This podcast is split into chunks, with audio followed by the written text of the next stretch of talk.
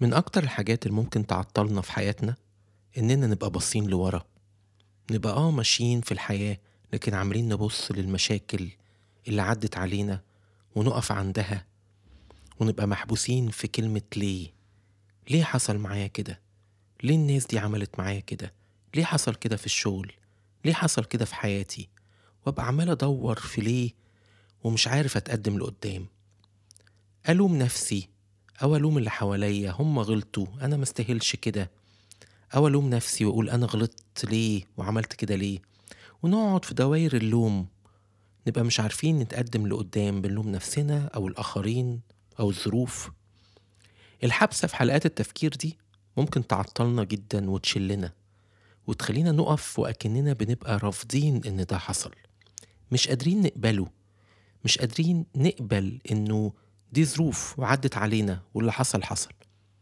طب نعمل إيه علشان نظرنا يكون دايما لقدام ونعرف نتقدم في حياتنا؟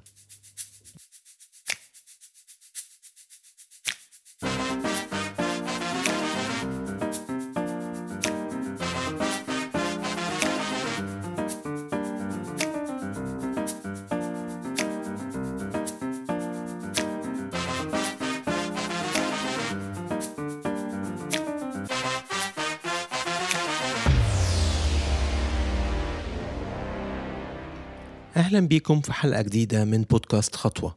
معاكم ماجد اسكندر والنهاردة عاوزين نفكر مع بعض. إحنا محتاجين نعمل إيه علشان نبص لقدام؟ الفكرة كلها في إحنا شايفين أخطائنا إزاي؟ شايفين المشاكل اللي بتقابلنا إزاي؟ شايفينها حاجة عملناها غلط ولا فرصة حلوة اتعلمنا منها؟ أشهر مخترع توماس أديسون اللي اخترع المصباح الكهربائي. كان من أكتر الناس المخترعين اللي مروا بفشل كبير. يقال إنه عمل عشر تلاف محاولة عشان يخلي الكهرباء تطلع نور تعمل مصباح. وكان دايما بيفشل. وفي وسط مراحل فشله المتكررة دي كانت فترة آه، صعبة شوية من الفشل في صحفي قابله وقال له إيه يا عم؟ انت أنت إيه رأيك في الفشل اللي أنت بتعدي بيه ده؟ أنت تمام كده؟ عادي مع الفشل ده؟ أنت مش حاسس إنك عمال تفشل وتفشل وتفشل؟ فراح توماس أديسون قال له قال له أنا ما فشلتش. أنا اكتشفت عشر تلاف طريقة ما تنفعش. فده بالنسبة لي نجاح واكتشاف. هو شايف الموضوع من وجهة نظر تانية خالص. شايف كل مرة جرب فيها هي كانت فرصة للتعلم فرصة للاكتشاف شايفها بشكل إيجابي وده اللي خلاه في الآخر يوصل ويخترع المصباح الكهربائي اللي أنعم على البشرية كلها بيه إن إحنا بقينا نشوف بالليل ويبقى بقى في نور جاي من الكهرباء.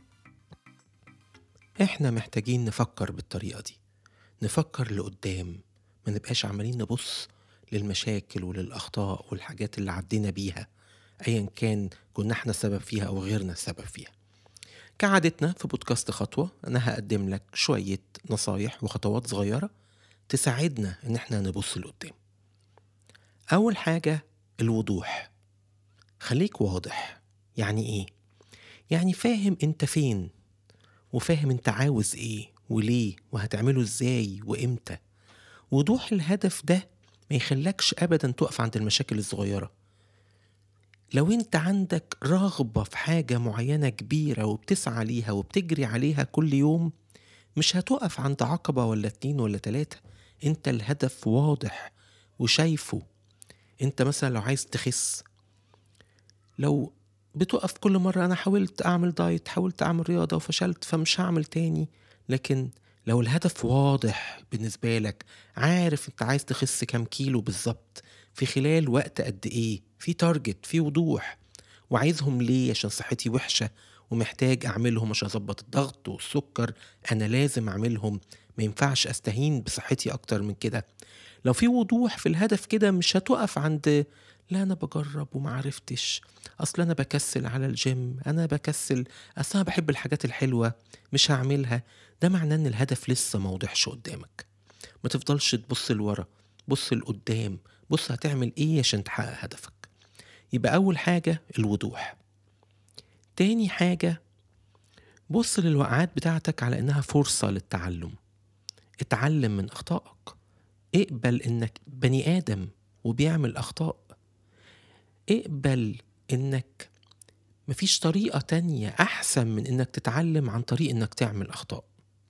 في فرق بين واحد بيبص على أخطائه على إنها حدوده وعلى إنها ليميت لإمكانياته ومش هيعرف يعديها. فيا يفضل واقف ومش عارف يتقدم. وفي واحد بيبص على أخطائه على إنها بداية التعلم إنها فرصة للنمو. فخليك مبسوط بأخطائك مش متضايق. فكر فيها إنها الله دي حتت جت قدامي هتعلم منها لقدام. تالت حاجة افهم إنك مش متحكم في كل شيء. أنت في أمور هتحصل وأنت مش متحكم في إنها تحصل ولا لأ لكن أنت متحكم دايما في طريقة تعاملك مع كل شيء. بعد ما حصل مشكلة وحصل ظرف أنت مش متحكم في إنه يحصل أو ما يحصلش لكن أنت متحكم هتتعامل مع الظرف ده إزاي هتعديه إزاي هتبقى مثابر بعديها وتكمل إزاي. هتغير في طريقتك وتغير في أهدافك عشان توصل إزاي. كل ده في إيدك. ركز في إيه اللي في إيدك. رابع حاجة ركز في الحاضر. سامح نفسك وسامح الناس. خلي بالك لو ما سامحتش ده مش هيفيدك. بالعكس هيفضل ربطك بالماضي وهتفضل متضايق. لو جواك جوا قلبك عدم آه، يعني حب لحد وكره وإنك مش مسامحه في حاجة عملها لك. هيفضل ده ربطك بالماضي على طول وإنت مش قادر تتقدم لقدام. عاوز تتقدم لقدام لازم زي ما بيقولوا كده it go. سامح. سامح حتى لنفسك لو إنت غلطت في حاجة. عادي. كلنا بنغلط. المهم هنعمل إيه اللي جاي؟ إيه اللي بعده؟ خلاص سيب اللي فات ده حصل حصل. اللي جاي إيه؟ هتعمل إيه في اللي جاي؟ هو ده المهم. اللي فات ده خلاص ما بقاش مهم. ده درس وتعلمنا منه. ورايحين للي بعده. خامس حاجة شجع نفسك. خلي بالك من كلامك مع نفسك. لو كلامك سلبي هتفضل دايما مش عارف تتقدم. لو انت عمال تقول أنا أصلي ما كنتش بعرف أتكلم أنا ما عرفتش أرد عليهم أنا دايما بتحط في المشكلة دي أنا دايما إمكانياتي ضعيفة في كذا.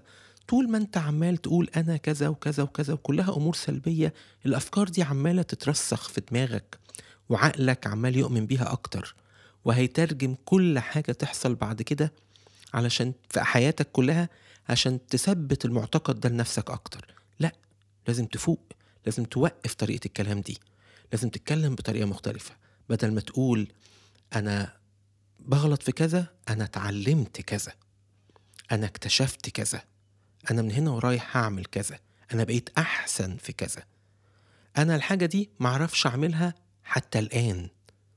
ولكن بعد كده هعرف. خلي كلامك دايما بطريقة إيجابية عن نفسك.